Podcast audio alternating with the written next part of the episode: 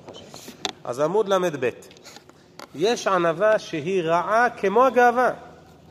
כעניין שעשו נביאי שקר, שהיו לובשים בגדים כמו נביאי האמת, שיקובלו כזביהם ושקריהם, כמו שנאמר, ולא ילבשו אדרת שיער למען כחש, למען כחש. לכך אותם ההולכים בענווה בעניין המלבושים ומדברים בנחת ומנהיגים עצמם בחזקת חסידים וצדיקים למען יאמינו להם ויסמכו על דבריהם ויחניפו למי שאין להחניף ועושים רמאות בסתר ואין חוששים לקיים המצוות רק ברבים ולא כשהם ביחיד וגונבים דעת הבריות. אלו הם מחללים השם ברוך הוא יותר מכל האדם וגורמים שאין העולם מאמינים לטובים והם נחשדים מבני אדם שיאמרו שם האלו כאלו והמכיר בהם חייב לפרסם ולהודיע לכל כאשר אמרו רבותינו מפרסמים את החנפים. חילול השם איום ונורא אם אדם הוא מתלבש, מתנהג כמו הצדיקים ועושה דווקא להפך. בית כנסת. בית כנסת. והדבר הזה הוא דבר חמור מאוד. למה?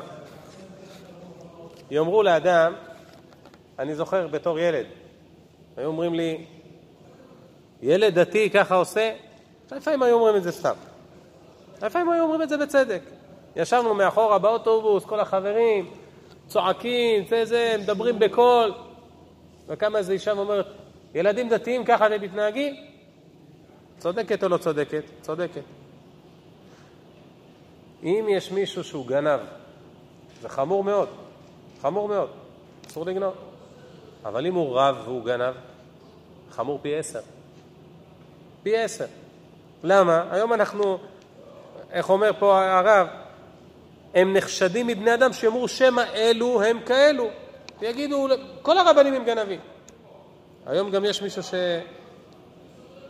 שמשקיע, מוסר את הנפש כדי לפרסם כל דבר כזה רע, כדי שיחשבו שכל הדתיים הם רעים, כל הרבנים הם רעים, כולם יש להם רק רע. יש אנשים שיש להם מסירות נפש גדולה על זה. היה לאחרונה תחקיר האולפנות. תחקיר האולפנות.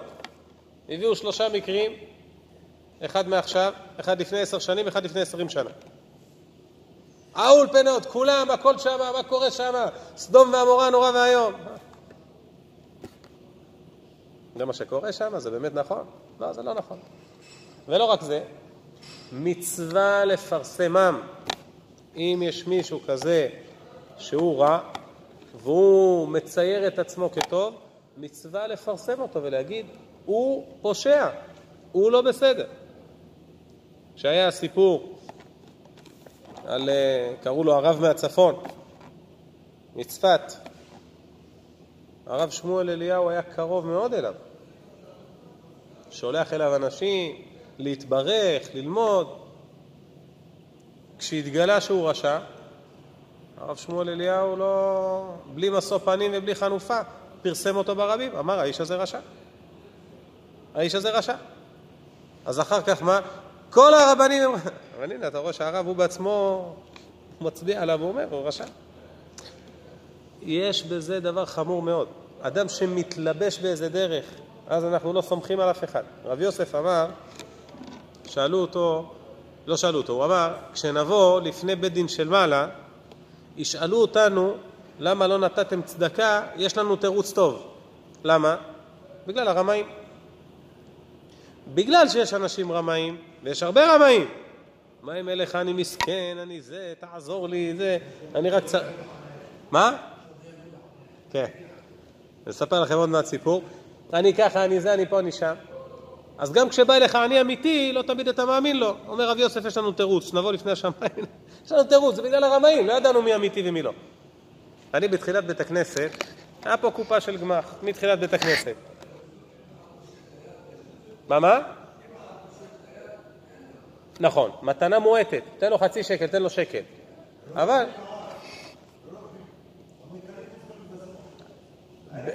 לפני שבוע וחצי הייתי בתל אביב, היה שם אחד בצומת.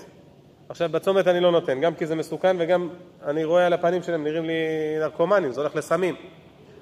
בכל זאת, אמרתי, מתנה מועטת, נתתי לו שקל וחצי. תסתכל עליי ככה, את החצי שקל הוא זרק, את השקל הוא שם ב... מול הפנים שלי. מאוד כאב לי. אבל בכל אופן, תחילת בית הכנסת, באתי בתמימות, אה, קופה של גמח, אנשים תורמים, אני שם בגמח, אנשים מבקשים, אני נותן להם. הגיעה אישה, הייתה מגיעה כל חודש. כל חודש, וכל חודש הייתה מקבלת, לא יודע, 150 שקל, 200 שקל, הייתה מגיעה כל חודש. אחרי זמן מה, היו כמה אנשים שביקשו. הם היו שלושה או ארבעה שמגיעים, אחד מעפולה ואחד מלא יודע מה, ואחד מבני ברק ואחד מרמת גן, זה מה שהם סיפרו לי.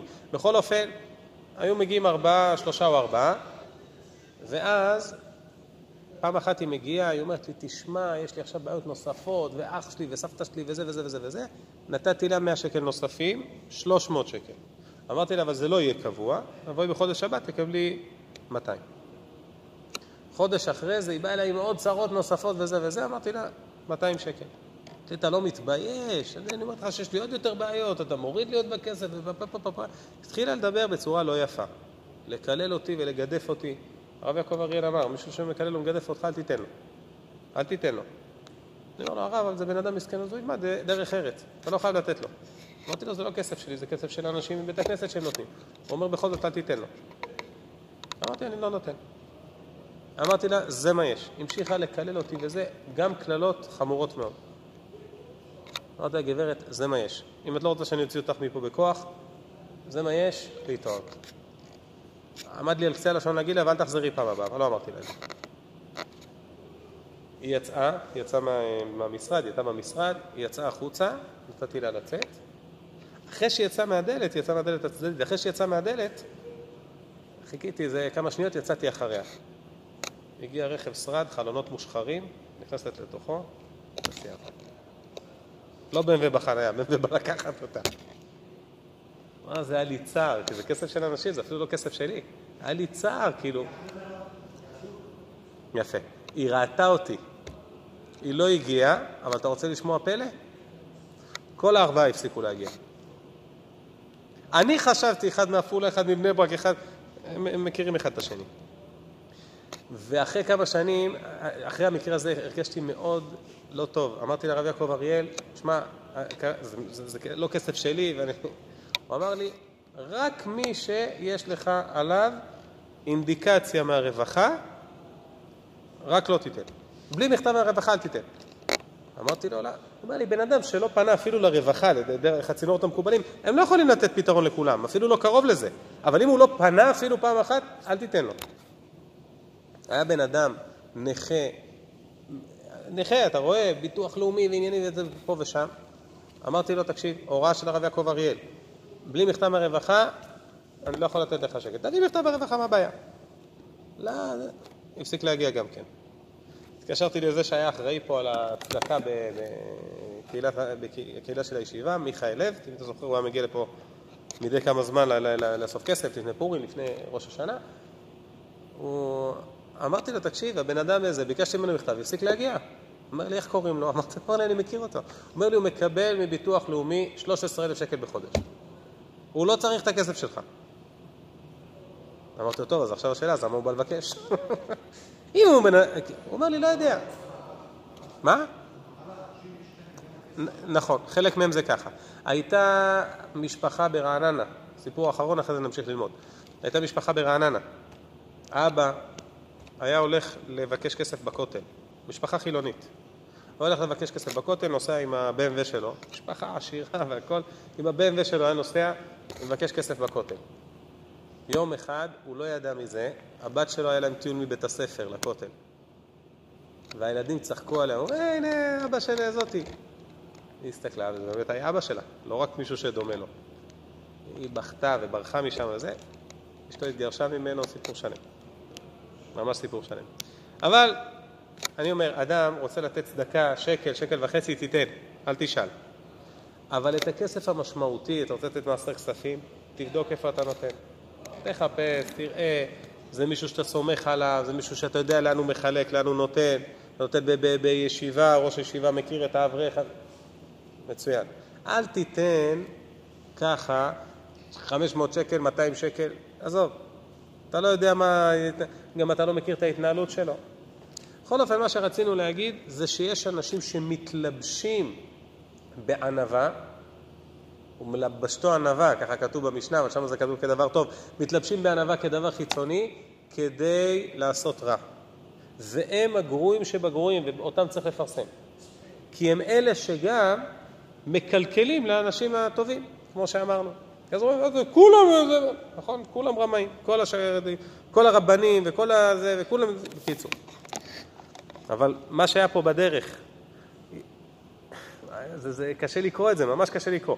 מנהיגים עצמם בחזקת חסידים וצדיקים כדי שיאמינו להם ויסמכו על דבריהם. יכניפו למי שאין להחניף. עושים רמאות בסתר. אין חוששים לקיים המצוות, רק ברבים, ולא כשהם ביחיד. וגונבים דעת הבריות. זה דברים קשים. רק החזיר, רק החזיר. מעלה גרה, אבל הוא מראה את לפיו, הוא אומר להם, אני, אני, אני כשר. זה אחת הסיבות שראיתי שאומרים שבגלל זה חזיר כל כך, יש התנגדות אליו. אבל זו לא הסיבה הנכונה. הסיבה הנכונה היא שבאירופה המוסלמים לא אוכלים חזיר. כן, כן, כן, כן, מראה את לפיו, מראה את לפיו, מראה את לפיו. מראה את לפיו ואומר כשר אני, הוא מראה שהוא שוסע שסע. אבל הסיבה הנכונה היא שהחזיר הוא בשר מאוד מאוד זול. זאת אומרת, החזיר הוא יותר זול מעוף. רק פה אתה צריך ללכת לטיב טעם ולא יודע מה, מבקשים ממך יותר כסף, כי אסור לגדל חזיר בארץ. הם עושים מצע מנותק, למדו מהדתיים את הטריק. אבל בכל אופן, בחוץ לארץ העוף זה היותר איכותי, זה יותר בריא וזה יותר יקר, והבשר זה הכי יקר, בשר בהמה. החזיר זה הזבל של הזבל, זאת אומרת, סתם, למה אוכלים את זה בארוחת בוקר? כי זה, כי זה זול, אוכלים ביצה עם אה, בשר חזיר וכדומה. זה. ולכן, כיוון שזה היה כל כך מצוי, אז אוכלי החזיר זה היה הגויים. אצל המוסלמים, אנחנו הספרדים, הגויים, מה הם היו אוכלים? היו אוכלים גם בשר כשר. כי מה הם היו אוכלים? פרות, כבשים. אף אחד לא יהרוג גמל בשביל לאכול אותו. גמל זה דבר מאוד מאוד יקר. אף אחד לא הורג גמל בשביל לאכול אותו. יש פירות, פרות, כבשים, עיזים, זה מה שהיה להם. חזיר הם לא אוכלים. המוסלמים לא אוכלים חזיר. אז רציתי להגיד שבאירופה יש הרבה חזיר, אבל היום באירופה יש גם הרבה מוסלמים, אז נראה, אולי את החזיר הם ידחקו החוצה. טוב, לכן הקיצה ואל תתעלם. הקיצה ואל תתעלם, תתעורר.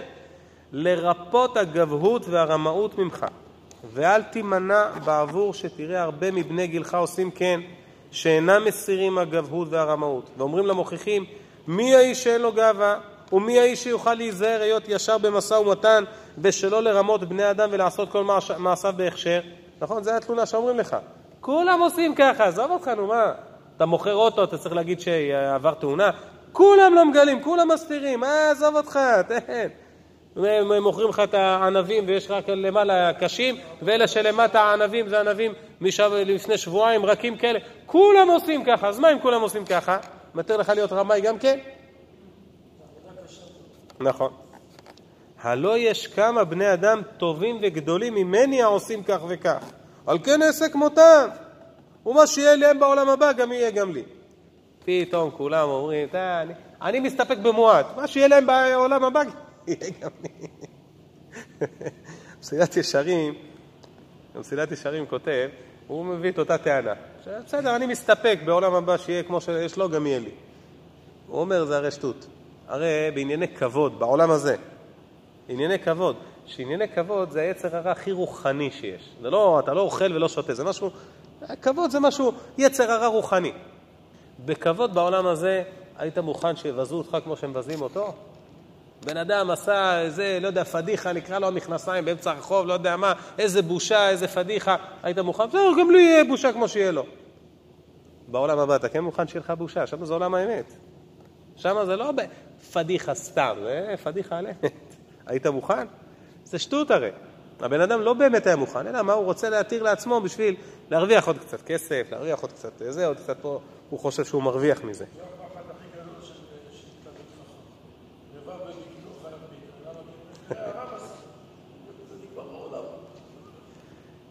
המחשבים כך הוא שטות שאין דוגמתה. משל כי מי שעיניו כואבות ויש לו כחול שהוא מומחה לרפות העין, וכבר נודע לכל אמיתת הרפואה. אין זה חוכמה לומר, לא אעשה שום רפואה, ואם יהיה עיוור, מה בכך? כמה עיוורים בעולם, ומה שיהיה להם יהיה גם לי. הוא אומר ככה, אפילו בדבר פיזי, ודאי שלא. הלא זה לעג ושטות לפני כל. לכן עיין על נפשך והשתדל בכל כוחך, ואל תיתן עיניך במי שלמטה ממך, במעלת החוכמה ובעבודת הקדוש ברוך הוא. כי בזה תקצר בעבודה ובחוכמה. אך תיתן עיניך ולבך למישהו למעלה ממך, וישתדל לרדוף אחריו ולהשיגו כפי יכולתך במעלת החוכמה ובעבודת הקדוש ברוך הוא, ועל זה נאמר ונלען נרדפה לדעת את השם, כשחר נכון מוצאו ויבוא חגשם לנו כמלכו שיורה הארץ. תחפש מי למעלה ממך, מי יותר טוב ממך, מי אני יכול לשאוף למשהו יותר גבוה. יש אנשים שהם כן מדקדקים, שהם כן ישרים, שהם כן לך אחריהם. אל תלך אחריהם, כמו שיהיה לא יהיה גם לי. אל תלך אחרי העיוור, תלך אחרי הרועה. אם הוא עשה, גם אני אעשה ככה, אולי גם אני אצליח. אני חייב לספר לכם סיפור שהוא לא קשור קשר ישיר, אבל אדם חושב שהוא מרוויח מזה שהוא קצת ירמה, או קצת יעגל, או קצת יעקוץ. אתה לא מרוויח מזה. וזה לא, לא סיפור על רמאות, זה סיפור על שבת. יום במוצאי שבת, מתקשר אליי מישהו, יש לי שאלה חשובה. מה השאלה? יש לי לקוח, הוא נותן לו שירות של אה, database, של אה, מסד נתונים. יש לי לקוח שעשה שדרוג למערכת שלו. עכשיו, שדרוג המערכת זה אומר ש-25 שעות המערכת אי אפשר לראות את הנתונים החדשים. היא מקבלת את הנתונים החדשים, אבל אי אפשר לראות אותם במשך 25 שעות, ורק בסוף 25 שעות היא מתאזן, ואז אפשר לראות עוד פעם את הנתונים. אז הלקוח שלו עשה את השדרוג בשבת, כדי לא להפסיד את הלקוחות, הוא לא עובד בשבת, אז הוא עשה את השדרוג בשבת. עכשיו הוא אומר לי, אני, ביום ראשון הוא יבקש ממני שאני אחבר את המערכת, כדי שאפשר יהיה לראות את הנתונים, כדי שהוא ירוויח ממעשה שבת. עכשיו יש בעיה, הבעיה זה שאסור ליהנות ממעשה שבת. אסור ליהנות מעבירה שיהודי עשה בשבת. מצד שני, הוא נותן שירות. הוא נותן שירות, הוא יגיד, אני לא מוכן לעשות לך את זה ביום ראשון, אבל אתה תקשיב, אתה עושה בתחבולה. אם הוא יבקש ממך, או בתחילת היום, תגיד לו, תקשיב, אני היום ביום סידורים, אני ביום חופש, אם אין משהו דחוף, אל תפנה אליי. בקיצור, ככה אמר להם. אמרתי לו, בעזרת השם לא תפסיד. אתה מכבד את השבת, השבת תכבד אותך. מי ששומר על הכבוד של השבת, השבת מחזירה לו פי אלף. פי אלף ויותר. הוא אומר לי, ביום ראשון בערב הוא מתקשר אליי, הוא אומר לי, הרב, אני חייב לספר לך, לשמח אותך. אמרתי לו, מה? הוא אומר לי, תקשיב, הם, הסתיים השדרוג במוצאי שבת, לחצו פה, לחצו שם, איכשהו עשו איזה נזק, ביטלו את כל השדרוג. כל השדרוג הלך פרש. אז עכשיו הוא ביקש ממני שאני אעשה את השדרוג. עכשיו הוא צריך לשלם לי על זה גם. אז גם כל השדרוג שלו לא הלך, וגם אני מרוויח, את, אני מרוויח כסף מזה שאני שמרתי עכשיו. הוא חשב שהוא ירוויח. כן. הוא חשב שהוא ירוויח מזה שהוא יעבוד בשבת, הוא ירוויח עוד כמה גרושים. אתה לא מרוויח. מי, שלא, מי שהולך נגד השם, לא מרוויח מזה. אתה חושב שאתה מרוויח. מי שהולך עם השם, הוא מרוויח. אלף דוגמאות אני יכול להראות לכם. אלף דוגמאות. הדוגמה הזאת היא דוגמה ששמחתי בה. פעם מכרתי אוטו, ושאל אותי הקונה, אמר לי, אני מעוניין וזה וזה, אני רוצה לראות את האוטו. טוב, הוא בא לראות את האוטו, הוא אומר לי, מה יש לאוטו? אמרתי לו, תקשיב, עבר תאונה לפני כמה שנים בזה, החלון החשמלי מאחורה לא עובד, הבגז הוא נסגר, אבל לא נסגר כמו שצריך תמיד,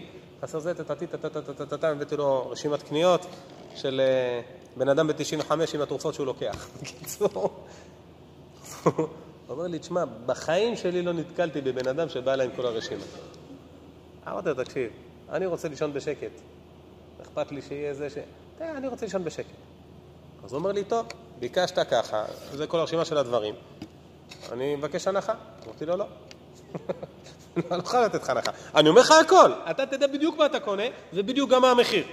אתה רוצה, תקנה, אתה לא רוצה, אל תקנה.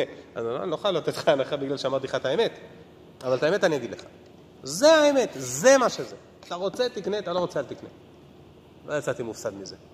אתה לא יוצא מופסד מללכת עם השם. גם אם נראה לך שאתה מופסד בזמן הנוכחי, בלא יודע מה, אתה לא מופסד. אתה לא מופסד אף פעם אם אתה הולך עם השם. אברהם אבינו, אני חושב שהוא האדם הכי מפורסם בעולם כולו, אצל הנוצרים והמוסלמים. וה... אתם יודעים שיש אה, דת בהודו, היא לא דת קטנה מדי בכלל, אנחנו לא מכירים אותה כי אנחנו לא מכירים את ההודים, אבל ההודים זה מיליארד נקודה שתיים, מיליארד 200 מיליון איש, יש שם די הרבה, יש שם כת גדולה שנקראת ברהמנים. ברהמנים, וכנראה שהאל שלהם, של הלא יודע מה, זה אברהם. כתוב שהוא שלח את בני הפילגשים קדמה אל ארץ קדם, מזרח-מזרח, המזרח של המזרח. אולי הם הגיעו לשם, למזרח של המזרח. מי יודע. אבל בכל אופן, אברהם אבינו, הקדוש ברוך הוא אומר לו משהו שנראה לו לגמרי לא הגיוני. לך תעקוד את הבן שלך. הוא חשב שהוא גם צריך לשחוט אותו. הוא אמר לו, רק תעלה אותו, לא, לא אמר לו לשחוט. אבל הוא חשב שהוא אומר לו לשחוט. מה, אני אעשה דבר כזה מוזר? מה פתאום? אברהם אומר, אני, אין דבר כזה, אני הולך עם הקדוש ברוך הוא, אני אף פעם לא מפסיד. והאלוהים ניסה את אברהם, אומר אבן עזרא מה זה ניסה? העלה אותו על נס, העלה אותו על דגל.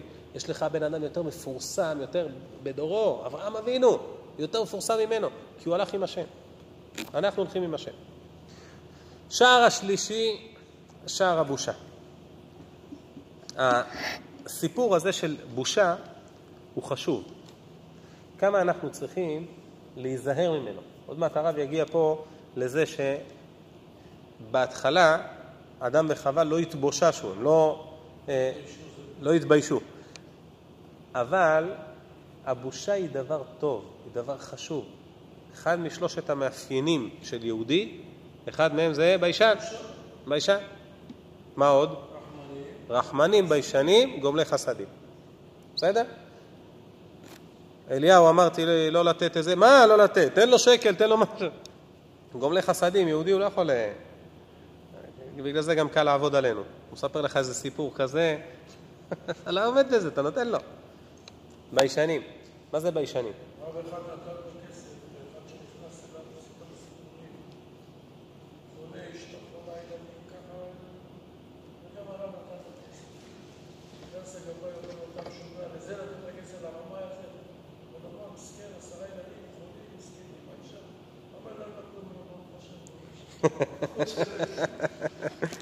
אז את המאה שקל הוא קיבל, לפחות אין לו מחלות.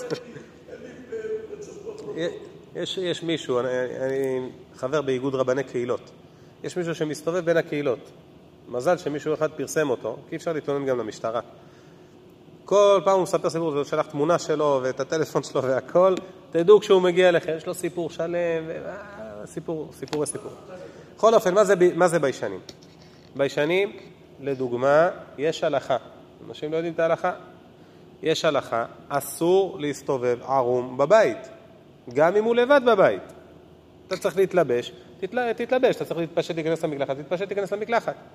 גם הילדים הקטנים. הבת שלי הקטנה, אני אומר לה, מתפשטים רק במקום פרטי. מקום פרטי, הכוונה היא מקום מוסתר. רוצה להתפשט, תתפשטי במקלחת וכולי וזה. האדם אסור לו להסתובב, מלוא כל הארץ כבודו. תתבייש קצת, תהיה עם בושה. אני לא מסתובב ערום. זה נכון גם במקווה. אנשים הולכים למקווה לפני ראש השנה ויום כיפור. נכון, רע מאוד, רע מאוד. לא ככה עושים. אני לפני ראש השנה ויום כיפור תמיד מתריע על זה. אתה הולך למקווה, אתה הולך עם מגבת, הולך עם מגבת עד לבור, בבור אתה שם את המגבת, בתוך הבור אתה לא תהיה עם המגבת, זה בסדר. יוצא מהבור, לוקח את המגבת. למה צריך להיות ככה? ואני, יש לי עוד שאלה על בוני המקוואות. למה המקוואות צריכים להיות שכל המקלחות הן פתוחות? אי אפשר לשים וילון? מה זה, זה עבירה בתורה, אסור לשים וילון? יש במקווה אחד בבאר שבע, אני משבח אותו, רגיל לשבח אותו.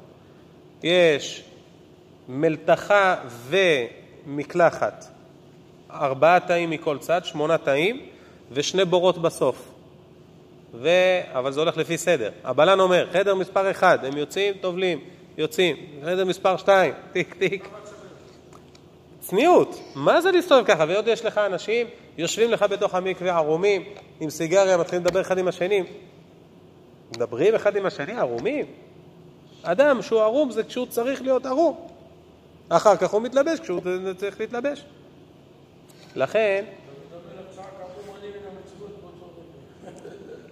אז לכן אדם צריך לדעת שמידת הביישנות היא מידה טובה. לא מדי, אנחנו לא מחפשים מישהו שמפחד מהצל של עצמו. אבל מידת הבושה, הכוונה היא לדעת להצניע את עצמו. אני לא מתבייש בגוף שלי, אני הולך ערום. היה אה, תופעה גדולה כזאת לפני 30 שנה, גם היום, גם היום הייתה תופעה לפני 30 שנה, אני לא מתבייש בגוף שלי, אני הולך ערום. היינו לפני כמה שנים, לפני שלוש או ארבע שנים, הלכתי עם הילדים שלי, הלכנו לשגרירות הצרפתית שם בתל אביב. הילדים שלי לא מסתובבים בתל אביב, אני לא מחפש שם, עובר שם איזה בחור על אה, אופניים, בלי חולצה. אז חגי, מתוק, הוא ככה אמר, זה היה, זה היה בג' באב, אני חושב. הוא אומר לי, אבא, תראה, תשעת הימים, לא היה לו, הוא לא חיפש את הבגדים, לא היה לו בגד ללבוש, אז הוא הלך בלי חולצה. טוב, בסדר, זה ככה לימד עליו זכות. היה לי מורה, היו אנשים באוטובוס, נשים, בא נותן להם 50 שקל, אומר, אני רואה שאין לך מה ללבוש. 50 שקל. אז זה צריך מידה של ביישנות, מידה של צניעות. הבושה, אמרו חכמים, השכל הוא הבושה והבושה הוא השכל. כי על אדם וחווה נאמר, והיו שניהם ערומים, האדם ואשתו ולא התבוששו, זאת אומרת שלא הייתה להם בושה, ולא היו יודעים הצניעות להבחין בין טוב ובין רע. ולאחר שאכלו מעץ הדעת, נאמר ותפקח נהנה שניהם, זאת אומרת, ואז פתאום יש בושה. יש דעת, יש בושה. ו- ולמרות זאת, ולמרות זאת, וכן כל בעלי חיים זולתי האדם אין להם בושה, הואיל ואין להם דעת. כתוב פה אין להם חוכמה, ואנחנו היום מדברים על חוכמה, יש חוכמה בבעלי חיים, חוכמה באינסטינקטים שלהם וכולי, אבל אין להם דעת, אין להם מודעות. זה הכוונה אין להם דעת, מודעות. וידע אדם את חווה אשתו. וכל חכם לב יודע מעלת השכל והחוכמה, כי בה יגיע אל אמיתת הדברים, וגם בה יגיע לייחוד בוראו ברוך הוא לעבודתו, ובה יכול להידמות למלאכים. וכיוון שמעלת החוכמה גדולה כל כך, צריכה שתהא חברתה הדומה לה, שהיא מידת הבושה, קרובה לה. אם החוכמה היא כל כך גדולה, והבושה היא החברה שלה, ולא התבוששו עד שאכלו מעץ הדת, אז היא ודאי קרובה לה. זו הקדמה כזאת. וראיה שלא ראית ביישן חסר דעת ולא דעתן בלי בושה. הרי מי זה זה שלא מתבייש? הולך ברחוב, אה, ערום, לא אכפת לו שיש עליו קי, שיש עליו... מי זה? זה מישהו שותה. זה מישהו משוגע או שהוא שיכור, הוא לא יודע מה קורה איתו, אין לו דעת. מי שיש לו דעת זה מי שמתבייש. הוא איזה פדיחה. מי שיש לו מודעות חברתית, וואי, עמדתי וכולם שמו לב ש... נכון? יש לו מודעות, לכן הוא מתבייש. מי שמתבייש זה מי שיש לו דעת, מי שאין לו דעת אין לו בושה. מי שאין לו מושג מה שקורה מסביבו, גם לא מתבייש ממה שקורה מסביבו. כי אין לו מושג מה קורה, אין לו מודעות. בסדר? הבושה והדעת הם קוראים אחד לשני. ועל כן ראוי לכל אדם להשתדל ולהתנהג במידה החשובה הזאת. להתחכם לה עד שתהא קבועה בנפשו, ויגביר אותה על כל תבעיו, ותהיה בעיניו חשובה משאר מידותיו. כי בה יגיע אל רוב המעלות, ויימנע מעבירות מכל ומכל מידות מגונות. זאת אומרת, למרות שסיימנו בפרק הקודם ואמרנו שאדם לא יתלבש בענווה בשביל לעשות דברים רעים, נכון? אמרנו אל תעשה את זה רק חיצוני. הבושה היא האיזון של הדבר הזה. זאת אומרת, לפעמים אני לא עושה עבירה רק כי אני מתבייש. אם אני מצליח להתבייש בפני בורי, זה בוודאי, חסיד יאמר, אבל אפילו התביישתי בפני אחרים. רק בגלל האחרים, אני מתבייש לנהוג בצורה כזאת וכזאת, גם בזה יש משהו. נכון, נכון, שתפחדו מבני אדם, מהשמיים כמו שאתם מפחדים מבני אדם. אנחנו נעמוד כאן היום, חזקו ואמצו.